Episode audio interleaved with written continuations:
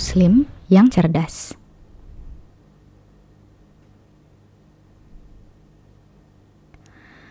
Sebuah studi yang dilakukan Universitas Rochester di tahun 2013 berjudul A Relation Between Intelligence and Religiosity atau hubungan antara kecerdasan dan kereligiusan memaparkan kesimpulan bahwa terdapat asosiasi negatif antara kecerdasan dan kereligiusan. Artinya, bahwa semakin orang lebih cerdas, semakin mereka menjadi kurang religius. Studi ini menjelaskan tiga alasan di balik analisa data empiris yang mereka kumpulkan di Amerika. Yang pertama, semakin cerdas seseorang, semakin mereka menolak untuk patuh, termasuk mematuhi dogma agama. Yang kedua, mereka yang cerdas cenderung lebih analitis dalam pemikiran mereka. Menurut studi ini, kemampuan analitis ini membuat seseorang cenderung merendahkan kepercayaan agama. Yang ketiga, beberapa fungsi agama dalam hidup seseorang dipahami lewat kecerdasan manusia, sehingga manusia yang cerdas merasa tidak membutuhkan agama. Kesimpulan dari studi ini adalah penjelasan mengenai relasi negatif ini kebanyakan mengacu ke satu tema utama yang sama, yaitu sebuah premis bahwa kepercayaan agama dianggap tidak rasional, tidak memiliki basis saintifik, tidak bisa diuji, dan karenanya tidak menarik bagi orang-orang cerdas yang memiliki pengetahuan lebih. Pertanyaannya, mengapa kecerdasan diasumsikan sebagai sesuatu yang terpisah dari teisme atau keyakinan terhadap Tuhan?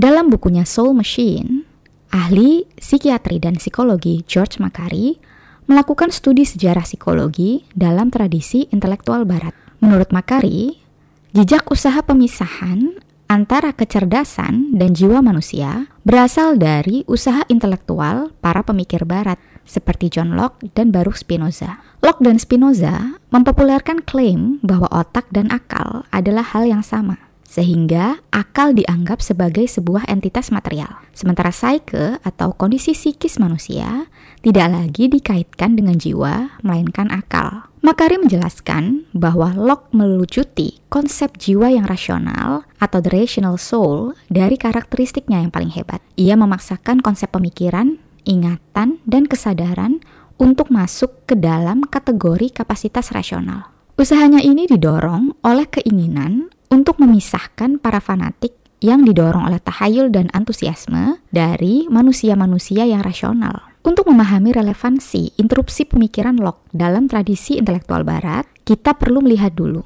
bagaimana konsep tubuh dan jiwa dipahami sebelum klaim Locke. Konsep tubuh dan jiwa secara umum dipahami oleh tradisi pemikiran barat lewat filsafat dualisme Cartesian.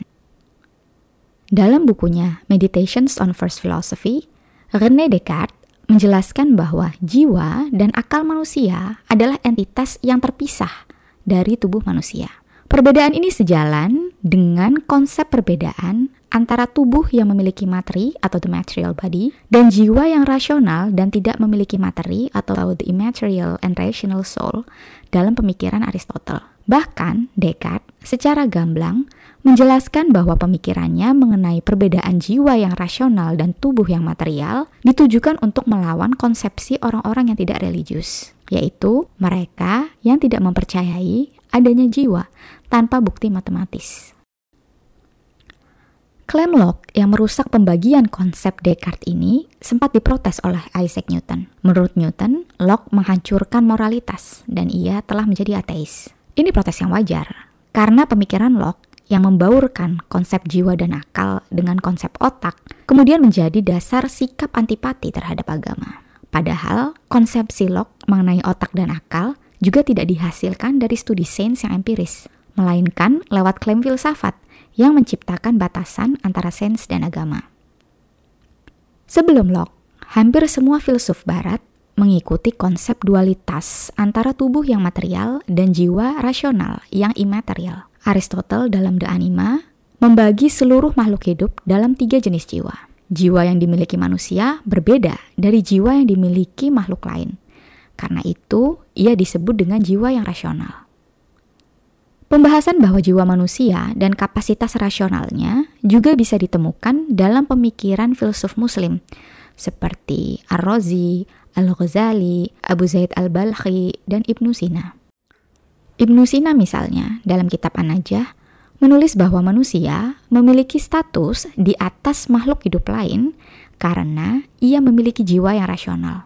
Dasar dari posisi manusia yang superior ini adalah surat Al-Isra ayat 70. آدم وحملناهم في البر والبحر ورزقناهم ورزقناهم من الطيبات وفضلناهم على كثير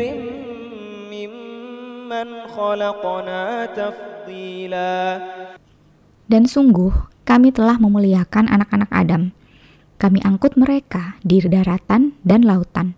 Kami beri mereka rezeki dari yang baik-baik, dan kami lebihkan mereka dengan kelebihan yang sempurna di atas kebanyakan makhluk yang telah kami ciptakan. Ar-Razi juga mendasarkan pemikirannya dari ayat yang sama. Menurutnya, manusia berbeda dari makhluk ciptaan Allah lainnya karena manusia memiliki kapasitas rasional dan intelektual. Kapasitas inilah yang memungkinkan manusia untuk memahami petunjuk Allah.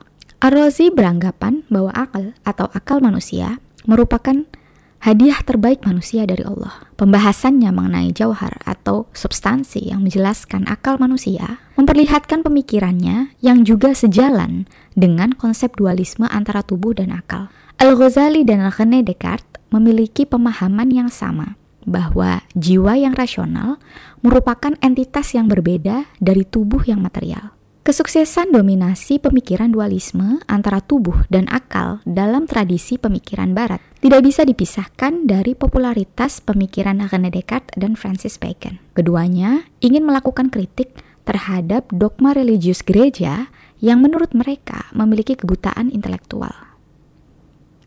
Menurut Bacon, Dasar pengetahuan yang hakiki adalah pengetahuan tentang alam dan informasi mengenai alam yang didapat oleh indera manusia. Bacon mengembangkan pemikirannya di periode yang sama dengan Descartes, yang mengusulkan bahwa pengetahuan akan Tuhan adalah pengetahuan nomor dua setelah manusia mengetahui tentang dirinya sendiri. Mengingat untuk memahami Tuhan, manusia perlu memahami kapasitas akalnya.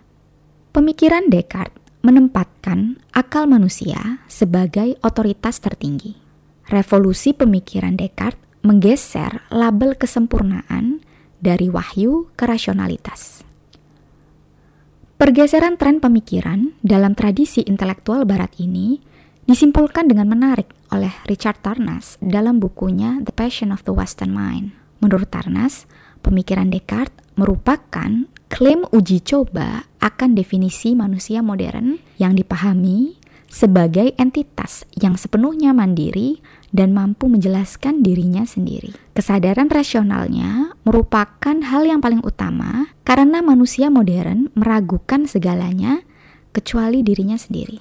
Menurut Mikhail Ahmed Smith dalam bukunya With the Heart in Mind, worldview atau cara pandang inilah yang menjadi dasar asumsi bahwa keyakinan atas segala sesuatu merupakan penanda ketidakcerdasan. Sementara keraguan atau cara pandang skeptis dianggap sebagai penanda kecerdasan. Tidak heran jika sikap yakin di zaman sekarang dianggap sebagai sesuatu yang absurd, apalagi keyakinan terhadap sesuatu yang tidak bisa diindrai oleh manusia. Sentimen ini memiliki silsilah pemikiran yang menggambarkan usaha manusia modern dalam mencari cara keluar dari keraguan dan kesalahan lewat kapasitas rasionalnya. Lalu, bagaimana cara pandang Islam dalam melihat posisi akal sebagai alat untuk mencapai kebenaran yang hakiki akan Tuhan?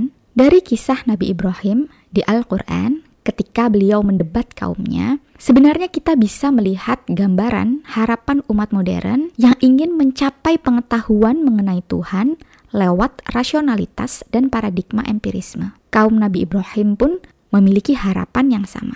Dalam kisah perdebatan Nabi Ibrahim dengan kaumnya, Nabi Ibrahim berusaha membuat mereka sadar bahwa manusia tidak mampu mengenal siapa Tuhannya hanya dengan mengamati matahari, bulan, dan bintang. Seperti doa Nabi Ibrahim alaihissalam dalam surat Al-An'am ayat 77.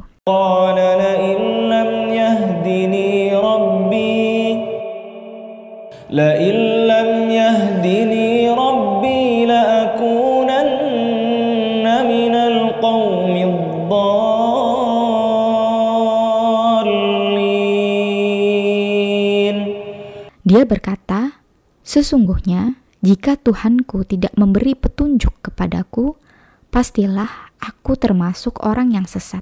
Hidayah atau petunjuk Allah lah yang akhirnya mengantarkan manusia kepada pengetahuan akan Tuhan. Seperti kita yang membutuhkan cahaya untuk bisa melihat sesuatu dengan mata kita, akal manusia juga membutuhkan cahaya dari luar untuk bisa memahami Tuhan. Cahaya ini adalah petunjuk dari Allah. Petunjuk lain yang menantang pemikiran Descartes bahwa akal adalah otoritas pengetahuan tertinggi adalah konsep kerasulan Nabi Muhammad SAW. Dalam pandangan Islam, kesadaran akan kebenaran yang hakiki hanya terjadi ketika kemampuan intelektual manusia dipandu oleh petunjuk dari Allah Subhanahu wa taala yang bisa kita pelajari lewat Al-Qur'anul Karim dan hadis Rasulullah Shallallahu Alaihi Wasallam.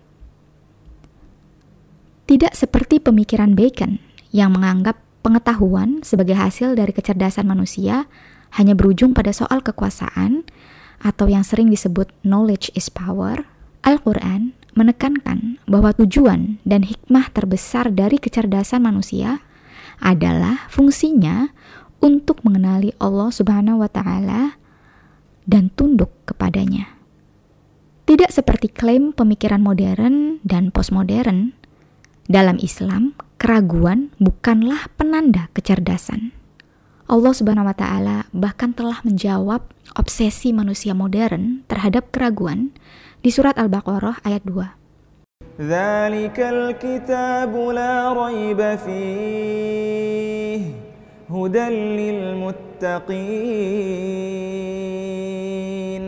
Kitab Al-Quran ini tidak ada keraguan padanya, petunjuk bagi mereka yang bertakwa.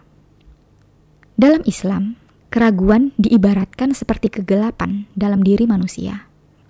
Hanya pengetahuan hakikilah yang mampu membawa petunjuk atau cahaya ilahi yang bisa menerangi, yaitu dengan memberikan pemahaman mengenai berbagai hal, baik di luar maupun di dalam diri manusia sendiri. Pengetahuan hakiki ini adalah pengetahuan yang berasal dari Allah Subhanahu wa taala. Meskipun muslim perlu mengetahui silsilah pemikiran dan cara pandang yang membentuk konsep mengenai kecerdasan saat ini, muslim perlu pula memahami bagaimana Islam mendefinisikan kecerdasan. Lewat vlog series terbaru dari The Muslim Gaze yang berjudul Muslim yang Cerdas ini, insya Allah kami akan membahas mengenai model kecerdasan yang dicontohkan oleh Nabi Muhammad SAW, yaitu model kecerdasan yang dibangun di atas petunjuk Allah Subhanahu wa taala.